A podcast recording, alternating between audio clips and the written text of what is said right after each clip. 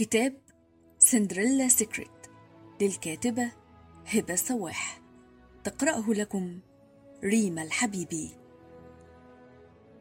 انتهى الجزء الخامس من الفصل الرابع واللي كان بعنوان غزال يهبل تعالوا نفتكر قالت فيه إيه ونرجع علشان نبدأ في الجزء الجديد. أول ما بدأت أطبق العادات بتاعة النوم النظيف الموضوع اتحسن كتير جدا. تعالي أقولك إيه هي العادات دي. واحد حاولي تنامي وتصحي كل يوم في نفس الميعاد حتى في أيام الأجازة. ممكن تزودي أو تقللي ساعة واحدة بالكتير بس مش أزيد من كده. اتنين نامي في ميعاد مناسب يخليكي تقدري تاخدي السبع ساعات بتوع الكافيين لأن ده متوسط احتياج الإنسان من النوم. تلاتة ما تدخليش السرير غير لما تبقي متأكدة إنك عايزة تنامي. أربعة لو دخلتي السرير وفضلتي تحاولي تنامي لمدة عشرين دقيقة ومعرفتيش قومي. خمسة حاولي تعملي حاجة تهديكي قبل النوم. يعني خدي دش سخن هدي النور. رشي ريحة بتحبيها في الأوضة. ولعي شموع بس بعيدي عن الستاير بدل ما تولعي في البيت.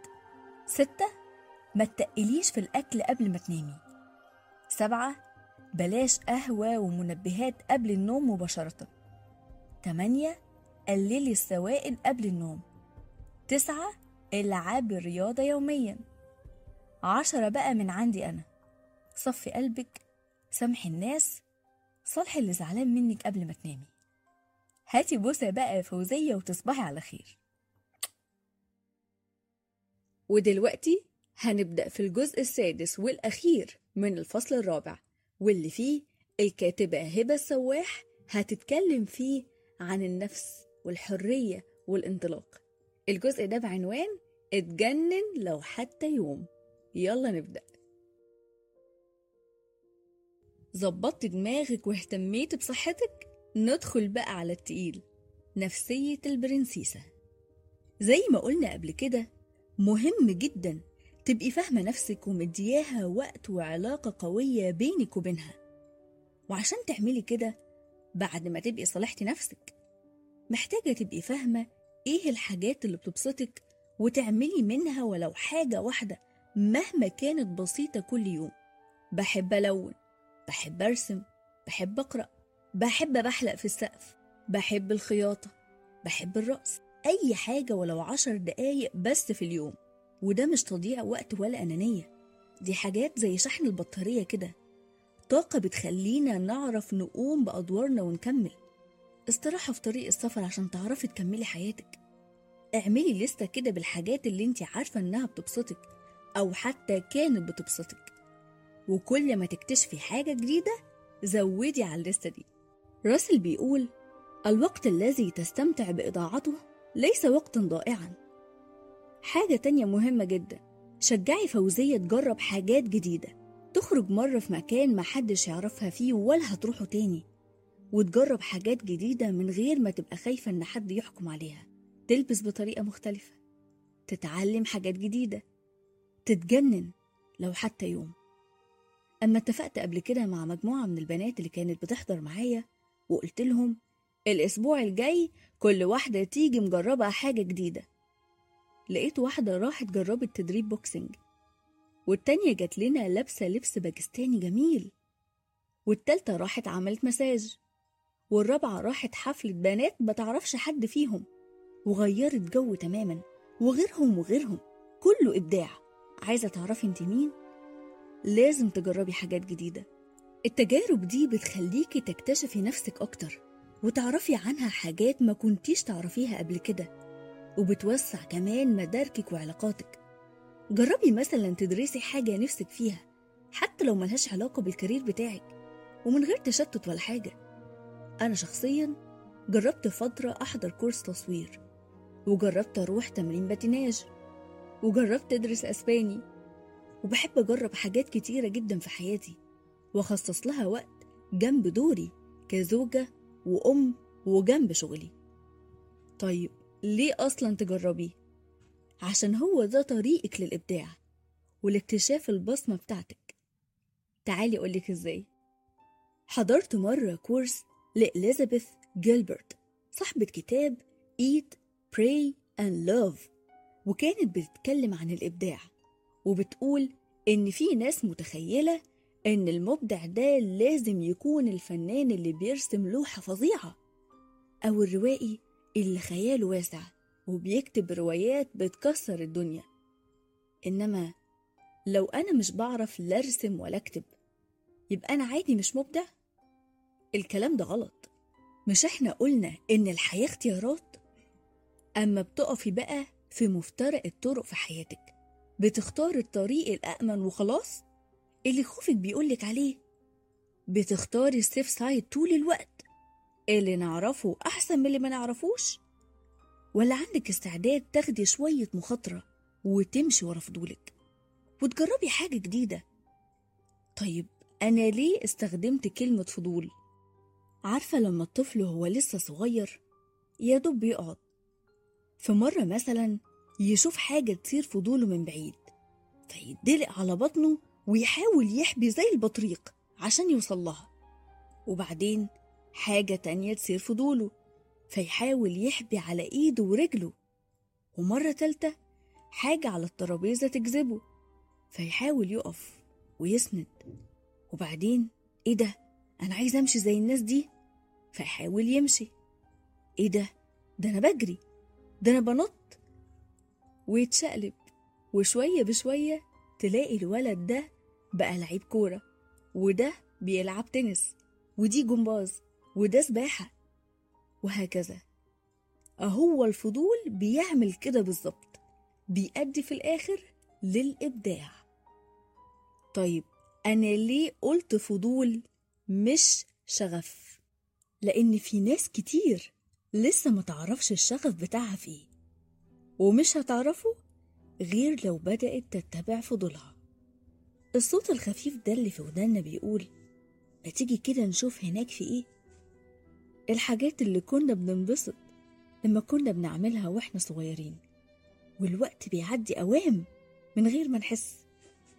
ومع الوقت بطلنا نعملها. الحاجات اللي نفسنا نجربها قبل ما نموت. الحاجات اللي لو متأكدين إننا هننجح فيها وما عندناش أي خوف من الفشل هندوس على طول. الحاجات اللي لسه عينينا بتلمع أول ما بنشوف حد بيعملها.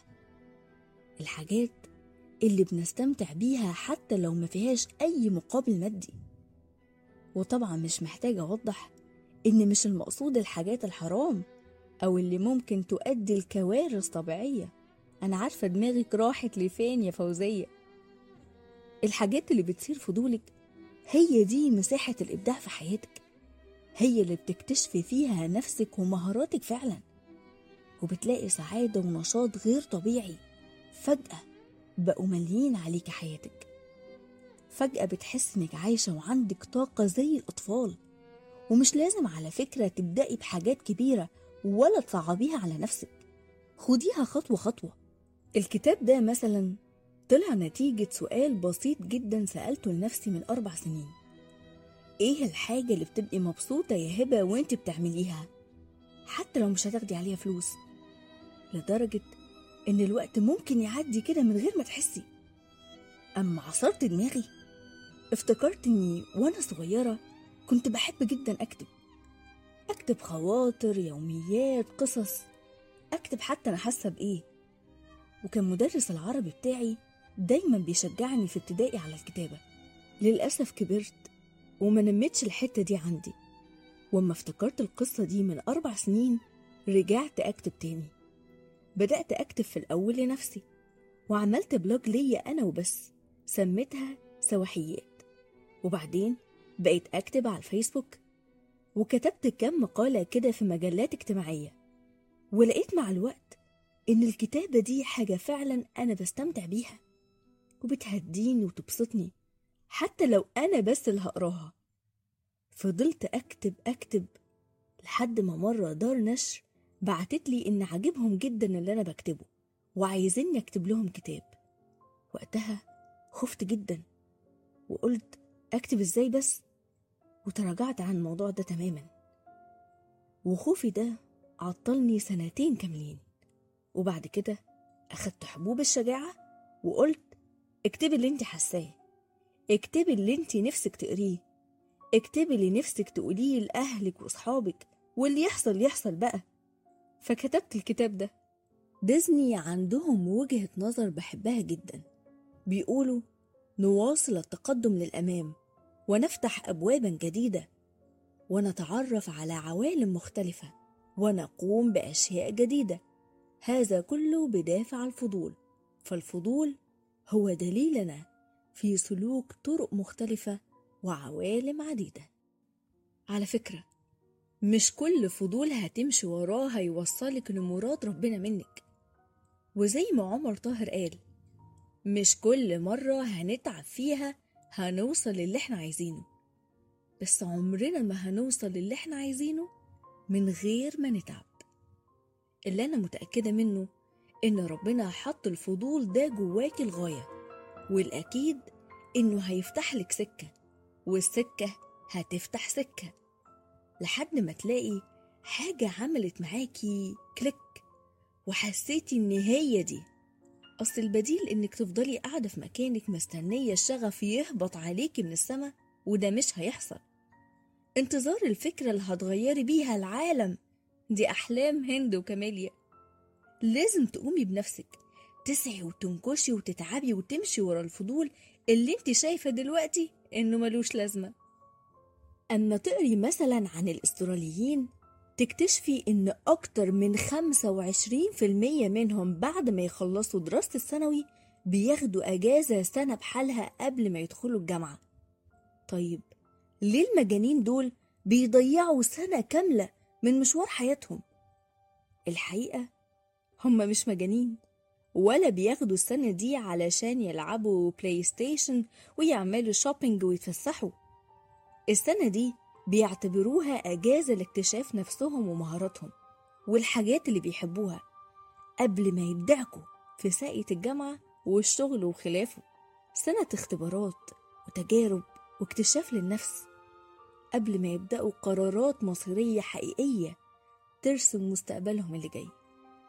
بس في نقطة مهمة جدا حابة أوضحها. مش معنى كلامي أبدا إنك تبقي إنسانة مشتتة لأ. خليكي زي ما انت في الروتين اللي بتعمليه في شغلك أو حتى دراستك. مش لازم تنسفي الدنيا ولا حاجة. بس لازم يكون عندك شوية وقت تعملي الحاجة اللي فضولك بيقولك جربيها أو اللي بتحس إنك منتعشة كده وانت بتعمليها. وما تتكسفيش أبدا تبقي تلميذة وتبدأي حاجة من الصفر.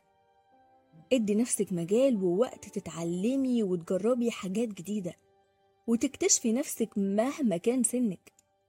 جربي حتى ولو في صورة كتاب تقريه محاضرة تحضريها عمل تطوعي شغل من غير فلوس لحد ما تلاقي الشغف بتاعك.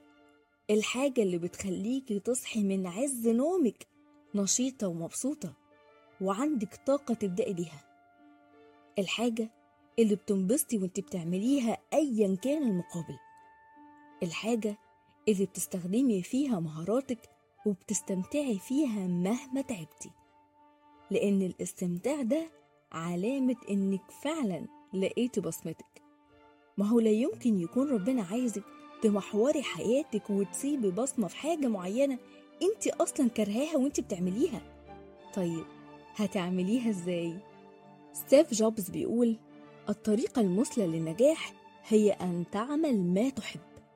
دلوقتي اكتبي القرارات والخطوات اللي هتعمليها علشان تبني بيها تنكي علاقتك بنفسك وإزاي تطوري منها فكريا وجسديا ونفسيا. كل اللي قلناه في الفصل الثالث والرابع كانوا أدوات علشان تحققي التوازن بين كل تنكات حياتك. ابدأي دلوقتي واملي تنكي علاقتك بربنا وبأهلك وصحابك وجوزك وولادك ونفسك لحد ما نتكلم عن آخر تنك بتاع علاقتك بالمجتمع وده هيكون في الفصل الثامن. والتوازن ده مش كلام كتب ولا كلام سهل يتظبط في يومين. التوازن عادات كل يوم بتعودي نفسك عليها. ده تجهيزك للطريق. ده البنزين بتاع العربية. والكاوتش المنفوخ والاستبن والزيت ومية الريديتير كل الحاجات دي بنهتم بيهم جدا وإحنا مسافرين سفر طويل عشان العربية ما تقفش مننا. لو التوازن ده مش موجود لو مش يوم بيوم مركزة إنك تملي الاحتياجات المختلفة في حياتك هتتعبي وهتتوهي وهتحس إن الحياة ماشية بالزق وملهاش معنى. وعمرك ما هتعرفي تقومي بواجباتك ولا تدي لحد احتياجاته. لو مش بتعرفي تدي لنفسك احتياجها. التوازن هو أول خطوة تخليكي تملي حياتك وتكتشفي نفسك ومهاراتك. والخطوة دي هتساعدك تعيشي عيشة سعيدة وتعرفي البصمة المميزة بتاعتك في الدنيا. ظبطتي التوازن؟ تعالي بقى نرجع لسندريلا.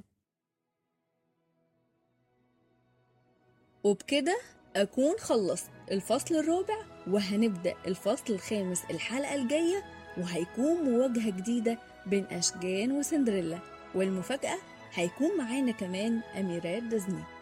وكل أميرة هتحكي مشكلة مختلفة وسندريلا هتبدع كالعادة ومعاهم أشجان.